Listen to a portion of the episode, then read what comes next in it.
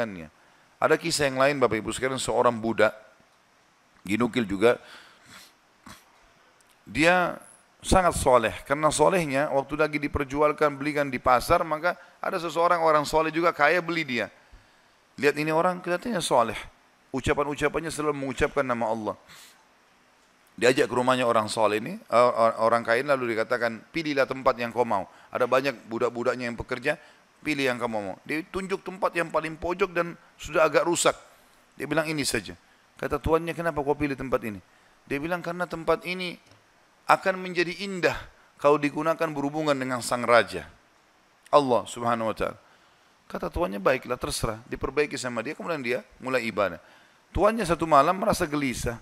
Merasa gelisah dia tidak bisa uh, apa namanya berpik, uh, bergerak ya tidur maksudnya maka dia bilang saya keluar, saya kontrol rumah, saya lewat di rumahnya atau di ruangannya budak gitu. Saya lihat atap rumahnya seperti terbuka dan ada cahaya yang masuk ke dalam. Malam hari zaman dulu tidak ada penerangan lampu kayak kita.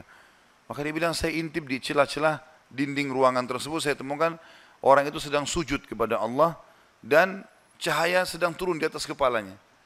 Maka saya berkata kepada, maka saya dengarkan doanya dari malam sampai pagi dan selalu dia ucapkan setiap dia minta hajat lalu dia mengatakan ya Allah penutupan doanya. Sesungguhnya kalau bukan karena haknya tuanku sekarang ini yang aku harus berikan, maka aku akan habiskan seluruh umurku ibadah kepadamu. Maka ini orang sampai menjelang subuh baru dia tinggalkan.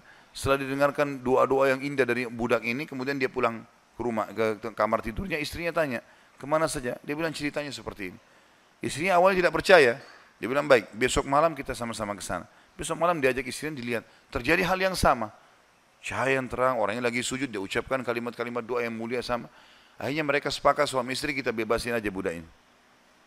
Ketuk pintunya menjelang subuh, kami sudah dengarkan doamu semalam, kami bebaskan kamu.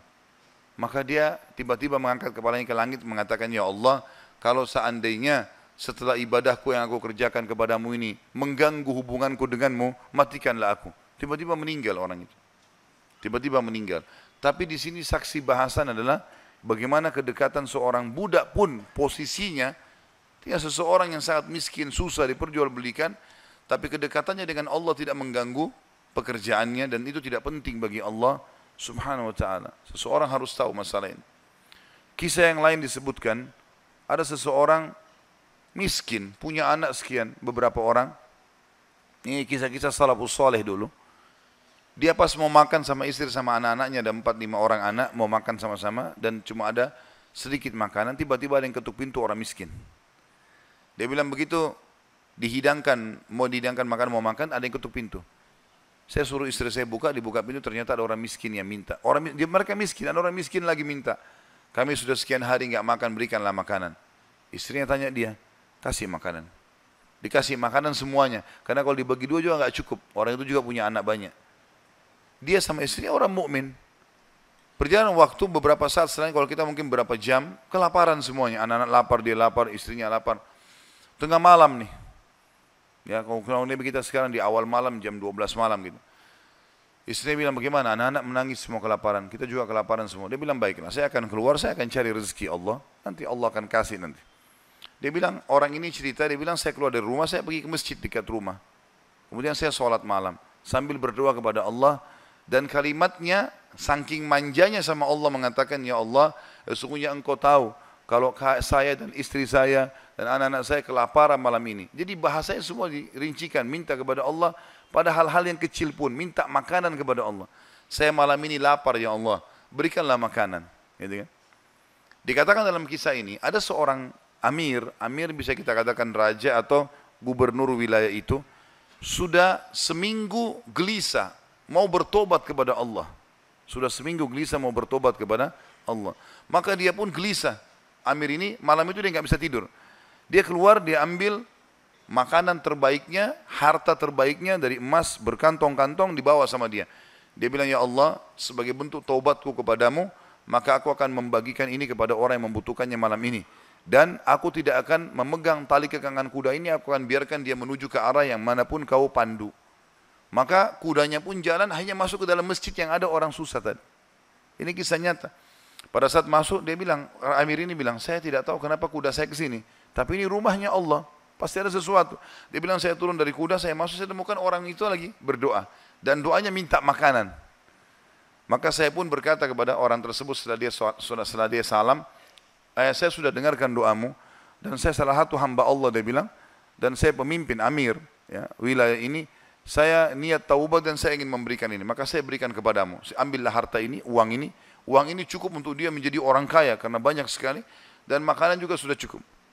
Dan dia bilang Amir ini bilang pemimpin ini bilang kalau seandainya kau butuh apa-apa datang ke istana saya saja. Jawaban orang itu di depan raja tadi pemimpin wilayah ini dia bilang Kalaupun saya butuh, saya tidak akan datang kepada anda, tapi saya akan datang kepada Tuhan anda dan Tuhan saya, Allah yang telah membuat anda datang malam ini membawakan makanan. Coba kita bayangkan kalau kita di posisi orang ini teman-teman sekalian. Kalau misalnya kita lagi punya hajat, kemudian ada satu orang yang kaya datang kepada kita. Kemudian dia menawarkan kepada kita solusi. Misalnya kita terlilit utang, atau misalnya kita mau bayar rumah sakit, atau apa saja. Lalu datang orang mengatakan, baiklah saya akan bayarkan. Mungkin, mungkin pikiran kita pendek sampai di situ. Kita akan mengatakan, baiklah. Apalagi dia bilang, pokoknya butuh apa saja datang ke saya. Ini nomor telepon saya.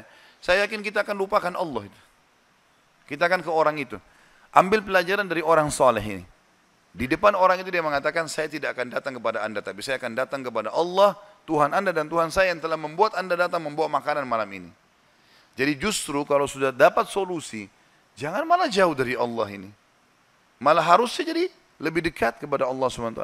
Allah mudahkan seorang dokter, resepnya bisa membuat kita sembuh, bukan karena resep dan dokter itu, tapi karena Allah Subhanahu Wa yang ingin itu.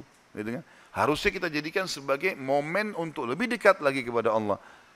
Dan kita mengatakan, Ya Allah, sebagaimana engkau mudahkan dokter ini menjadi penyebab aku sembuh, maka mudahkanlah setiap kali aku mengalami sakit misalnya, maka kesembuhan datang dari sisimu, bukan lagi dari dokter atau dari obat itu.